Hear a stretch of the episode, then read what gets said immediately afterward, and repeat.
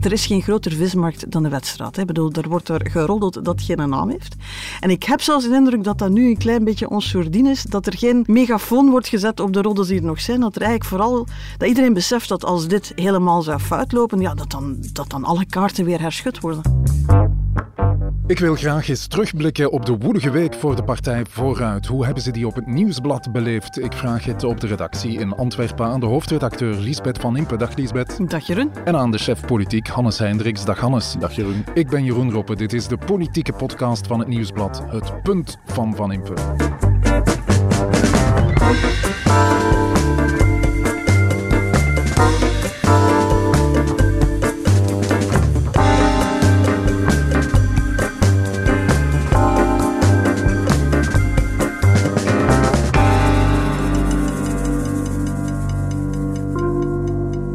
Mijn excuses, Lisbeth Hannes. Dat is de eerste keer in 92 afleveringen van het Punt van Van Impe dat me dit is overkomen, maar ik ben Um. de wijnknal vergeten. In Brussel. Ik ben hem eh, vergeten en ik was met de trein, dus ik kon niet. eh, Ik kon niet meer terug, dus ja. En dat is jammer, want ik ben eh, dit weekend naar een fantastische eh, Belgische wijnbeurs in Brussel geweest. Wacht eens, je gaat ons nu beginnen lekker maken voor een wijn die je niet bij hebt. Ah, wel, ik zal hem volgende week meebrengen. Maar, Maar hier ik heb- staat wijn. Inderdaad, ik heb hier eens rond eh, gesnuffeld, eh, Lisbeth. Op mijn en, eh, ik heb hier een Ah, klassieker gevonden. Ze kennen hun klassiekers bij het Nieuwsblad. De Genoelseldere Chardonnay Goud. Dat is een eh, bekende Belgische Wacht, en dat stond op de bureau van Hannes. er staan veel dingen op mijn bureau, maar dat, stond er, eh, dat staat Ja. er niet. Dus waar heb je hem dan wel Ah, wel, gevonden? ik heb hem, eh, ik Joni krijg heeft straks mij- hier iemand, ik krijg hier straks iemand achter ons veren die zegt gezet met een fles Wel, wijn. Joni heeft mij een lokaal gewezen waar er eh, Ah. nog interessante dingen Het staan. wijnlokaal. Een goed bewaard geheim, waar Ja. gelukkig niet te veel mensen de sleutel van hebben. Voilà, we drinken dus een uh, genoelseldere Chardonnay Goud. Gezondheid. Dat kan alleen maar goed zijn. Wat een week, hè, zeg, voor de partij eh, vooruit.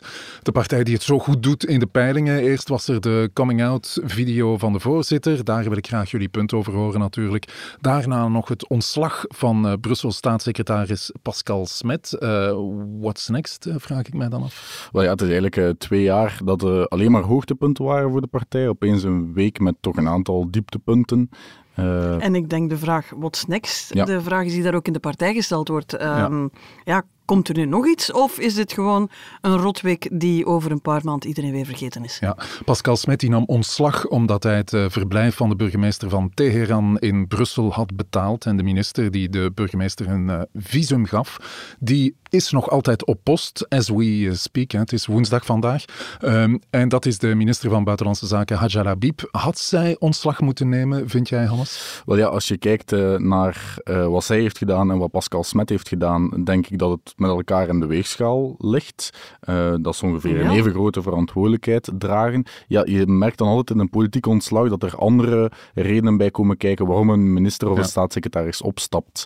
Dus ja, ik denk dat het eh, ontslag had gekund, zeker als eh, Pascal Smet het heeft gedaan.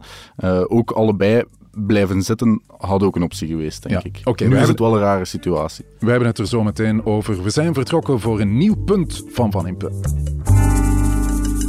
Les invitations aux villes iraniennes n'étaient pas souhaitables, je le répète, elles étaient inopportunes.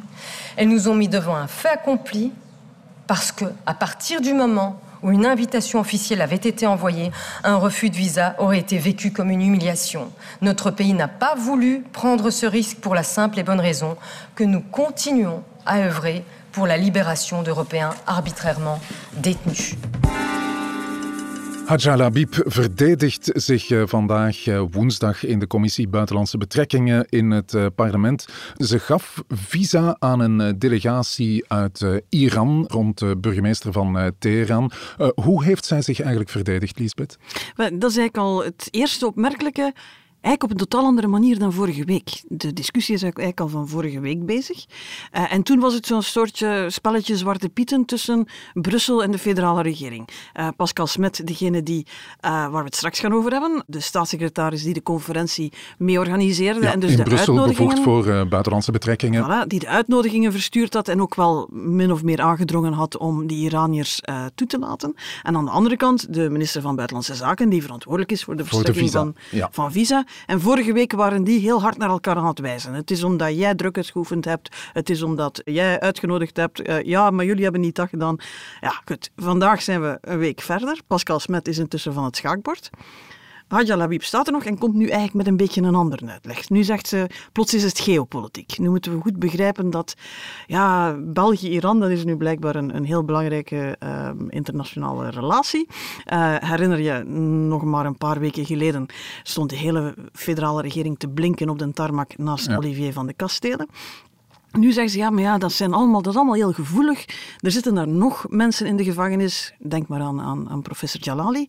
Dus het zou een soort van incident gecreëerd hebben om die visa niet te verstrekken. En meer nog, ik heb zelfs met de premier daarover gebeld, die trouwens naast haar zat vandaag in de Kamer, om uh, samen de verdediging te voeren. Ja, dat uh, leek me wel een slimme zet van uh, Hadjala Bib. De premier die zei, ja, als je die mensen eerst uitnodigt en daarna zegt, je hoeft toch niet te komen, dan creëer je een diplomatiek incident, zegt de premier Hadjala Bib, trok de premier mee in bad. Ja, inderdaad. Hè. Ten meer omdat uh, vanuit een MR komt dat dat nieuws naar buiten is gekomen, dat effectief de premier ook mee op de hoogte was uh, van, van die visa die verleend Dat aan, is, zijn aan allemaal tekenen van diepe vriendschap binnen de coalitie. Ja, wel, ja inderdaad. Ja. Dus, dus ja, ik vind het altijd grappig als uh, mensen dan beginnen zeggen van ah ja, ze verdedigen elkaar en zo. Ik denk dat er achter de schermen toch serieus gevloekt is op elkaar ook. Van shit, we zijn hier eigenlijk vastgeklikt aan elkaar en, en dus we moeten allebei door het, door het stof. Daar, daar komt het op neer. Maar het is inderdaad, zoals Lisbeth zegt, hè, een, een, nu is het plots een, een, zaak van geopolitiek en we worden Iran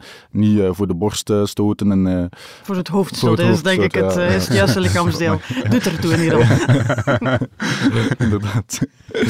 Geopolitiek is ja, het nu plots. Dat is het nu plots. Dat is een beetje raar dat op een week tijd heel de uitleg zo kan veranderen. Maar goed, duidelijk is dat, dat Labib zich niet naar de slagbank gaat laten voeren, dat hij wil blijven zitten. En als de premier mee is komen de redenering opbouwen dat dit allemaal uh, in het belang van heel de wereld geweest Ja. is, ja, dan ben je duidelijk niet van plan om ontslag te nemen, ondanks het feit dat er ook binnen de meerderheid nog altijd heel Ja, scherpe dat kritiek viel, is. eh, dat viel op, hè, dat de meerderheidspartijen streng waren voor eh, Labib. Eh, Minister Gilles Guinet bijvoorbeeld, die zei, ja, visa verlenen, dat is toch iets anders dan zomaar chocolaatjes uitdelen. Wel ja, het is ook logisch. Hè. Hadja Labib heeft zelf de hete patat doorgeschoven naar staatssecretaris eh, Pascal Smet, omdat de MR ook in Brussel in de oppositie zit. Dus die is dan uh, weggegaan.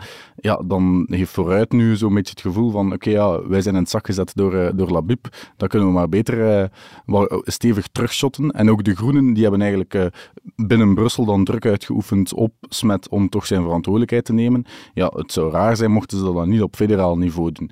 Dus ja, Labib zit nu in de situatie. Ja, vrienden heeft ze, heeft ze alleszins niet gemaakt en daar Nee. krijgt ze nu een beetje de boemerang. Het terug. nogthans eh, goed altijd tussen Pascal Smet en eh, Hadja Labib, allebei Ik denk uit dat dat nu een Brussel, beetje over is. maar dat is eh, duidelijk over. Eh, het is ook duidelijk dat de MR, de partij van de minister van Buitenlandse Zaken, er alles aan doet om eh, Labib te beschermen, want zij is een belangrijke troef voor de verkiezingen. Het is een kerstbal, hè? Zo, moet je dat, zo moet je dat zien. Ze is iemand waarmee ze in, in Brussel naar de verkiezingen willen. Het is iemand waarmee je kan uitpakken, die als wit konijn gelanceerd is toen Sophie Wilmes zei van ik heb meer tijd voor mijn gezin nodig. Uh, heeft heeft uh, Boucher haar uit de grote hoed getoverd als een wissel op de toekomst. Je kan je afvragen hoeveel plezier dat hij er al aan gehad heeft natuurlijk. Hè? Want ja, eerst was er die controverse over haar bezoek lang geleden, toen ze nog journalist was, Aan de Krim. aan de Krim, gefinancierd door de Russen. Ja, goed, dat zal misschien ook geopolitiek geweest zijn. Uh, daar was ook een heel uitleg voor. Dan, uh, Iran is dan eigenlijk het dossier waarop ze zichtbaar geworden is. Want ja, zo vaak zien we Labib ook niet. Hè. Iran heeft daar een, een lok haar afgeknipt in steun voor het uh, protest ja. in, uh, in de straten van Teheran. Uh, ze, ze, stond mee op de foto als het gaat over Olivier van de Kastelen. Plots is dat het land waarmee we haar diplomatieke inspanningen vereenzelvigen. Ja, dat is intussen ook een complete valse noot geworden als je dan eigenlijk zo gedachteloos wat, wat, wat Ja. visa begint uit te delen. Maar dus er ja, wordt heel veel van haar verwacht hè, in Brussel eh, bij de verkiezingen. blijkbaar gaat het niet over haar prestaties op buitenlandse zaken of de autoriteit die ze daarop bouwt, maar gaat Boucher ervan uit dat als hij haar straks bovenaan een lijst eh, zet en, en naar tv-studio stuurt, dat ze daar wel een troef zal zijn. Ik moest bij deze hele affaire, Hannes, denken aan de zaak eh, Walid Galet. Zegt jou dat nog iets? Wel, ik was zelf nog niet geboren, dus het 91. Kan mij niet, zeker, niet hè? veel zeggen, maar ik heb al de memoires van eh, Wilfried Martens gelezen. En dat staat er uitvoerig uh, We zijn hier al een paar keer hebben al gezegd dat Hannes Gen Z is, maar op dat vlak moet ik zeggen, is het een oude ziel. Hij weet van dingen die voor zijn geboorte gebeurd zijn. De minister van Buitenlandse Zaken toen, dat was uh, Mark IJskes. En uh, die zei, ja, in elk Moeten ander wel, land... Wacht even. Ja, ja. Ik ga ervan uit dat er nog luisteraars zijn die nog niet Ja. geboren waren, of die intussen vergeten zijn wat dat juist was. Uh, dat Zeg was het eens, een- wie was uh, Walid Khaled? was een, enfin, in, Ja. de, in de geschiedenis intussen een Palestijnse Palestijnse, ja. terrorist. Maar bleek achteraf een, uh, Een dubbelagent te zijn. te maar Ja. het was eigenlijk exact hetzelfde verhaal als nu met Olivier van de Kastelen. Een ruilhandel tussen België en Libië. Een Palestijnse terrorist die geruild is voor een familie, een Belgische familie die daar vast zat. Dus die ruil is gelukt, maar een spilfiguur van het Palestijnse terroristische regime destijds, Walid Khaled, die bleek dan eh, Op de grote markt van op Brussel de rond te grote lopen. markt, een jaar later op de grote markt van Brussel rond te lopen. Eh, selfies kon hij toen nog niet nemen, neem ik aan. Maar, Nee. ehm, En toen was Mark Eskes de minister van Buitenlandse Zaken en die sprak toen de legendarische woorden dat hij in elk serieuze land hiervoor ontslag had moeten nemen, maar niet in België. Maar niet in dit apenland niet niet in in dit het apenland. apenland, ja. Zover heeft Labib het nog niet gedreven, daar moeten we eerlijk in zijn. Nee. Oké, Hannes, laten we er eens een eh, eerste punt over maken. Hoe zou jij dat eh, eerste punt formuleren? Wel, ik denk dat Hadjal Habib in deze helemaal geen goede beurt maakt. Ik vraag mij soms af wat onze buitenlandstrategie nu eigenlijk is, eh, ook met betrekking tot Iran. Het lijkt me alsof we zomaar iets aan het doen zijn. Maar ze gaat hier geen ontslag voor nemen. Boucher houdt haar het hand boven het hoofd. Blijkbaar zijn er in dit tussen haakjes apenland eh, andere overwegingen om een eh, ontslag te nemen dan, eh, Ja, dan puur incompetentie op je eigen vakgebied. blijkt dat een kerstbal met een paar krassen op toch nog altijd genoeg kan blinken om te blijven hangen. Het punt van Van Impe.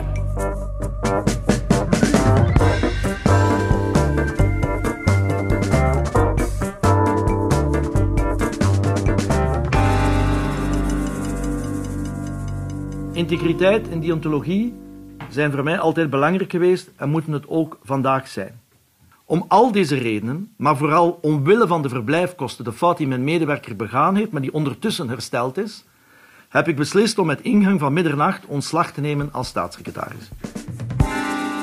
Pascal Smet, Brussel staatssecretaris voor Vooruit, neemt ontslag. Smet eh, deed dat omdat Brussel de verblijfkosten had betaald van de burgemeester van Teheran, de hoofdstad van Iran is dat.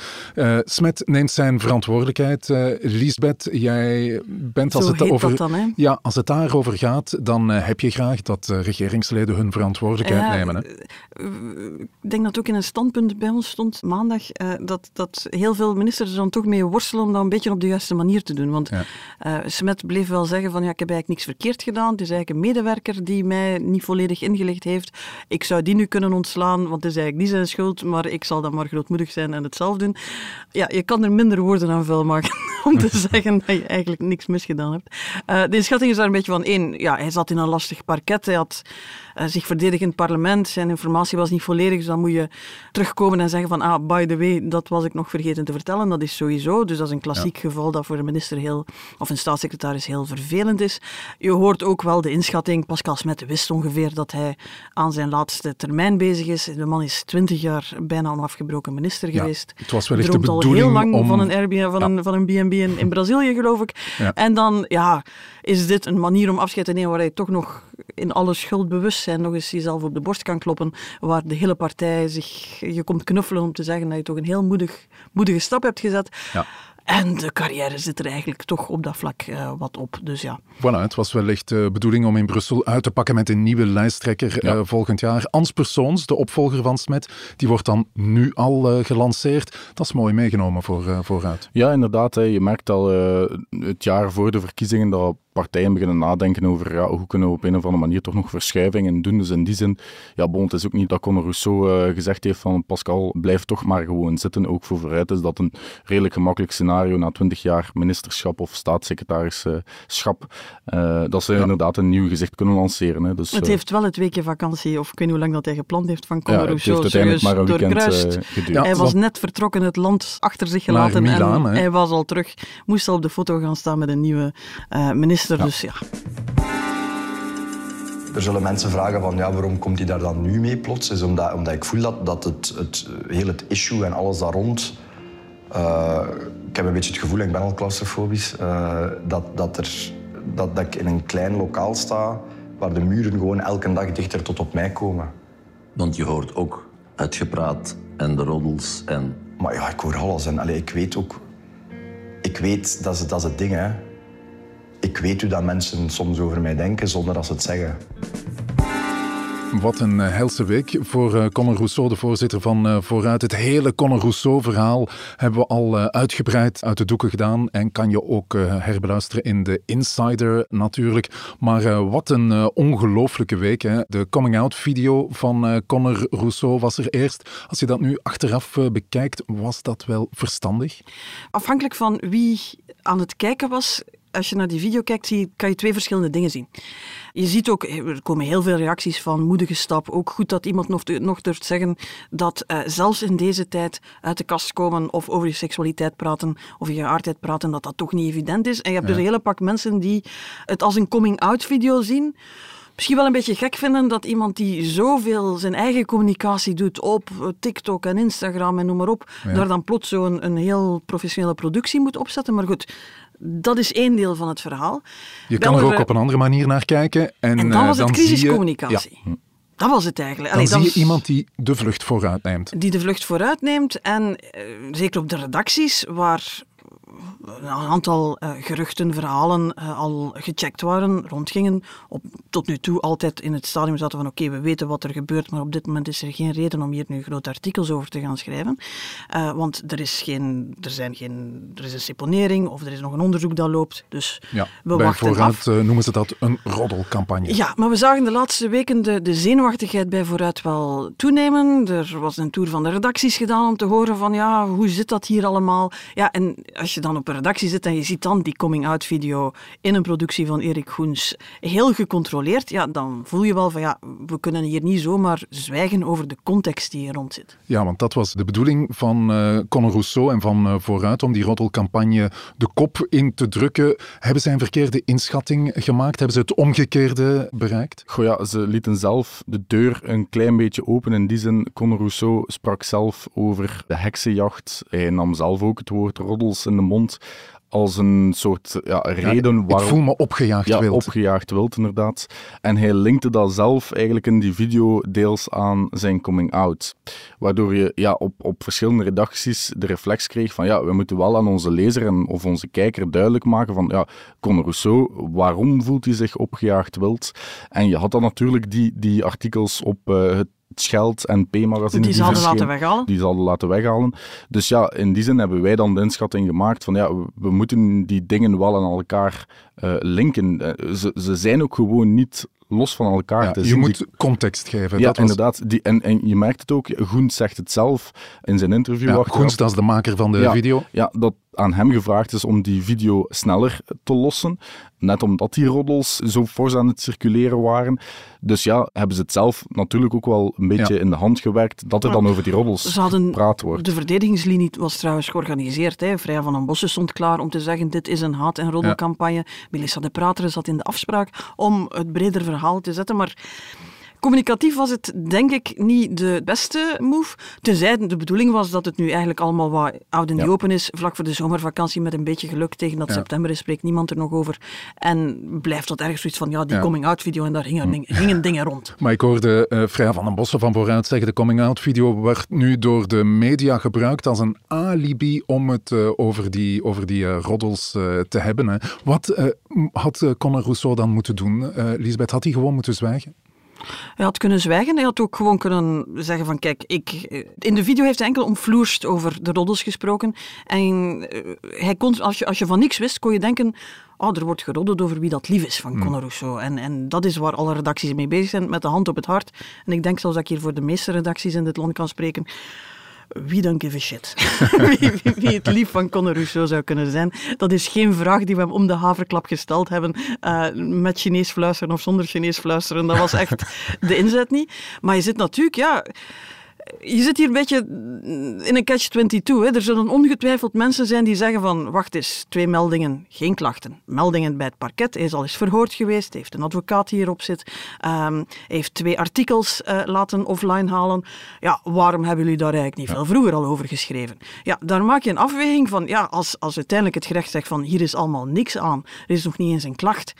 Ja, waarom zouden we dat dan allemaal in de publieke ruimte smijten? Anderzijds kunnen we ook niet doen als we dat niet weten. En, en als dat deel uitmaakt van de context van een communicatie, dan geef je sumier en met de informatie die noodzakelijk is, die context wel mee. Oké, Hannes, heeft dit alles nu invloed, denk je, op de populariteit van de partij? De partij die echt wel de wind in de rug had uh, de jongste maanden. Hè?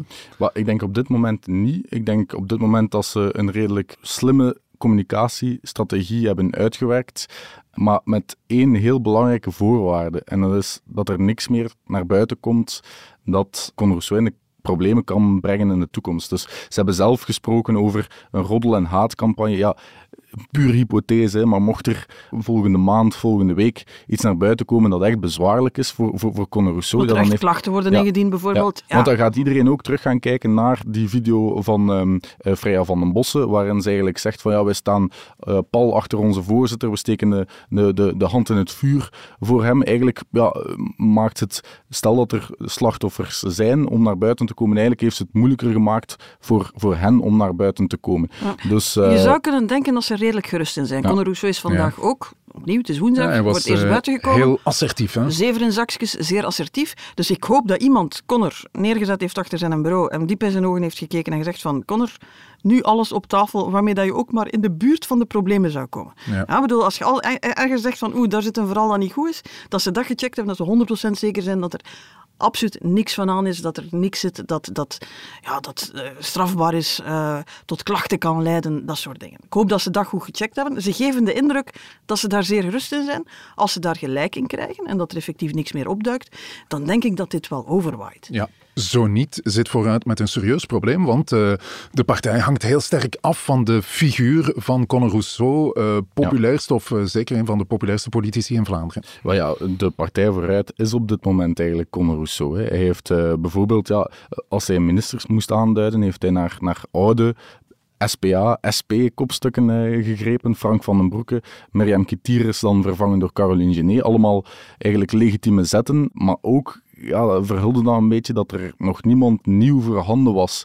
Um, het jong bloed, er zit wel jong bloed in de fracties, maar die, die, die zijn nog niet bekend genoeg. Dus de partij zit daarop een beetje op het, uh, op het spoor van ja, Conor Rousseau is onze kopman. We doen het met oudgedienden en jonge mensen die nog niet helemaal ja. klaar zijn. Maar, eh, vooruit is Conor met een streepje Frank en je gaat straks naar verkiezingen waar alles samenkomt en dat is iets voor...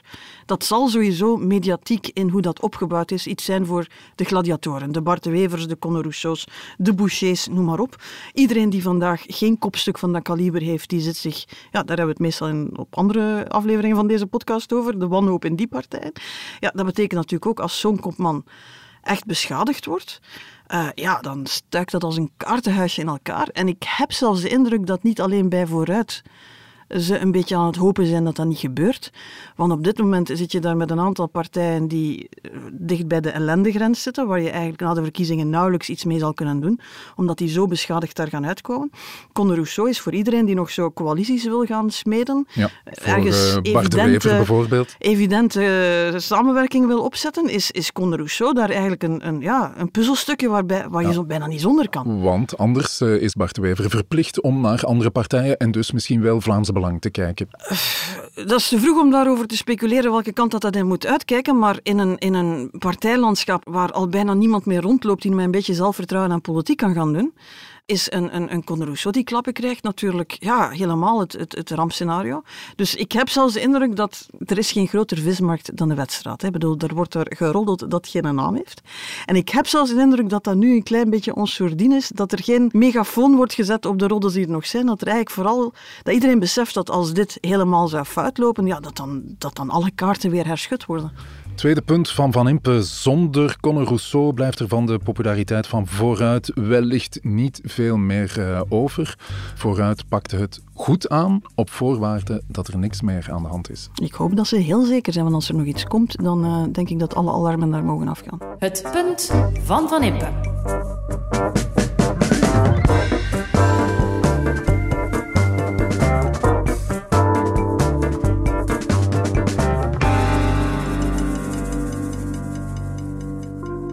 Als je wil weten hoe je best je pensioen opbouwt, kan je dat vragen aan je buurman. Tak 21 of 23 op lange termijn? Goh, ik zou eerst op korte termijn kijken. Naar die takken in uw nof, die hangen nu al een jaar over met een draad. Dus snoeit die een keer, hè? Dan gaan wij op lange termijn veel beter overeenkomen.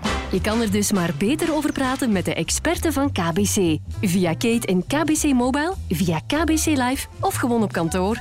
Jouw leven, jouw plannen, jouw belegging. KBC. Beweegt met je mee.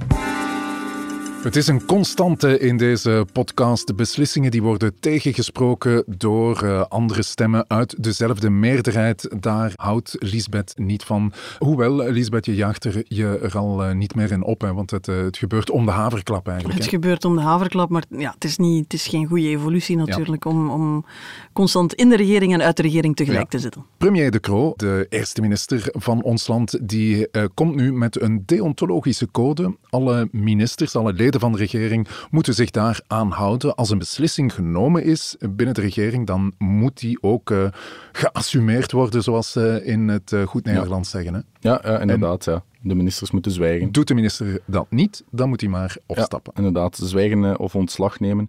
Nu, ik, ik, vind dat eigenlijk nogal raar om dat in een formeel besluit te gieten. Ik denk eigenlijk dat dat ook nogal meevalt. Ik denk dat er heel veel discussie is voor een beslissing, maar achteraf dat het bij de ministers nogal meevalt. Ik zou misschien dan eerder denken aan de partijvoorzitters om, uh, om de regel in te stellen, maar bon. Ja, het probleem met een regel is ook hoe ga je hem afdwingen. Hè? Want we weten, we hebben hier al een paar keer beschreven, het ontslag van een minister, om eerlijk te zijn, dat wordt zelden, dat wordt niet door de premier beslist, dat wordt niet door de andere regeringsleden beslist, uh, dat wordt beslist door de partijvoorzitter. En dus, uh, ik wil het wel eens zien hoor, dat er dus op de zevende dag zit, zegt van ik vond dat geen besli goede beslissing van ja.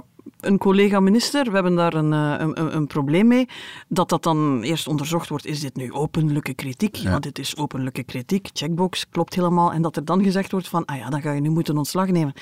Allee, zo gaat het nooit werken, nee. zo heeft het nog nooit gewerkt. Het lijkt mij een mooi voornemen te zijn, pas op hè, um, er moet altijd ruimte zijn voor politiek debat, maar ja, ja. echte deelloyaliteit, dat is een beetje te gewoon ja. geworden. Ik denk alleen niet dat deze regel dat gaat terugdraaien. Denk je dat het uh, gaat werken? Gaat het nu gedaan zijn met de open debatcultuur?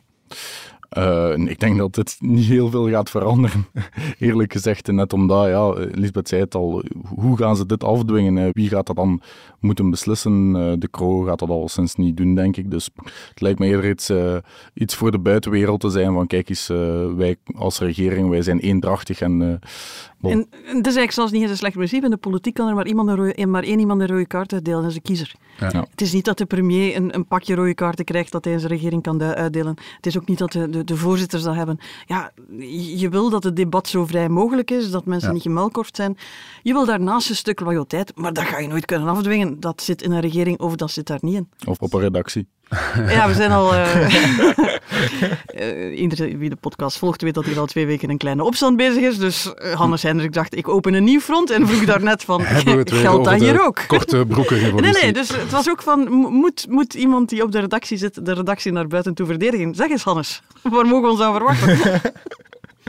Ik ben heel voorstander van, van open debatcultuur op de redactie. Dus hier ga ik mijn mond niet houden. Maar misschien, ja, bon, deze podcast die gaat ook buiten de redactie. Zit erbij. Dat is, dat ah, is, alsof, ja, voilà, dat, is alsof dat, ja. of dat we hier gewoon gezellig zitten en dat er niemand aan het meeluisteren is. Ja, maar dus... ik moet nu eerlijk zijn, mocht Hannes uit een vergadering komen waar hij een fantastisch goed voorstel gedaan heeft dat helaas niet weer uit is.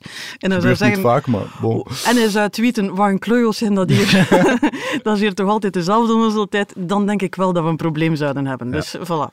Uh, je moet dat soort dingen in juiste banen weten te, te, en vooral het debat niet smoren, dat zeker niet. Ja, want ik las ook uh, iemand die zei van ja, dit lijkt op uh, zwijgplicht, op uh, omerta. Nu gaat iedereen nog meer elkaar wantrouwen en zo ga je zeker geen hervormingen krijgen. Ja, nee, maar het is een groot verschil of je in debat gaat met collega's één, achter de schermen en twee, voor een beslissing is genomen.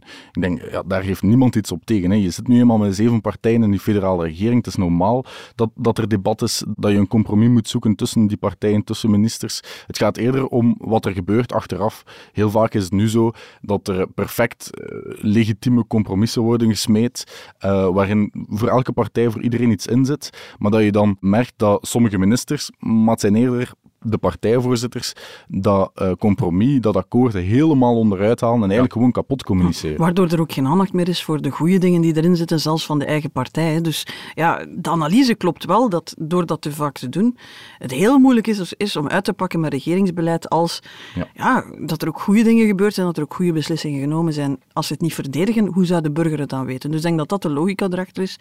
Maar voor de rest is op dit moment een, een, een mooi voornemen dat je in calligrafie achter het bureau van de premier kan hangen als een, eh, een soort van uh, wijsheid van de dag. En uh, we zullen wel zien wat dat, dat dan geeft als inspiratiemodel.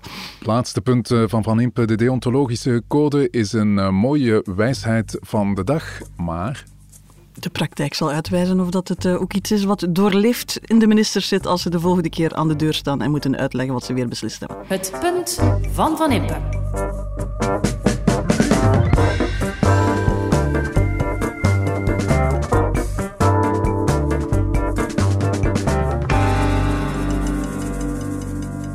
Ja, Lisbeth Hannes, sorry uh, van uh, de wijn. Volgende week uh, zal ik iets fenomenaals meebrengen. Maar dit was toch ook meer dan behoorlijk. Hè? Een heel klassieke Belgische wijn die een van de pioniers wel is, denk ik. van, ik ben daar ooit geweest. In Op, op schoolreis met Jan Peumens. Ah ja, dat zijn gemeenten. Die pakt dan de volledige wedstrijdpers mee naar ja. zijn achtertuin. Het is een indrukwekkend wijndomein. Hè? Het is een heel mooi wijndomein. Het is uh, ja, dus, de trots van uh, onder andere Jan Peumans. Ja, in de gemeente Riemst, Genoels, Elderen, we dronken een Chardonnay goud. Goed, ik zal de rest laten voor de rest van de redactie. Ik ben ermee weg. Tot volgende week. Dankjewel Hannes, dankjewel Liesbeth. Dit was het punt van Van Impe. Je hoorde de stemmen van Liesbeth Van Impe en van Hannes Hendricks. Dank aan de VRT voor de audioquotes, aan Pieter Schrevers voor de muziek en aan Pieter Santens van House of Media voor de montage. De productie was in handen van Joni Keimolen. Tot het volgende punt van Van Impe.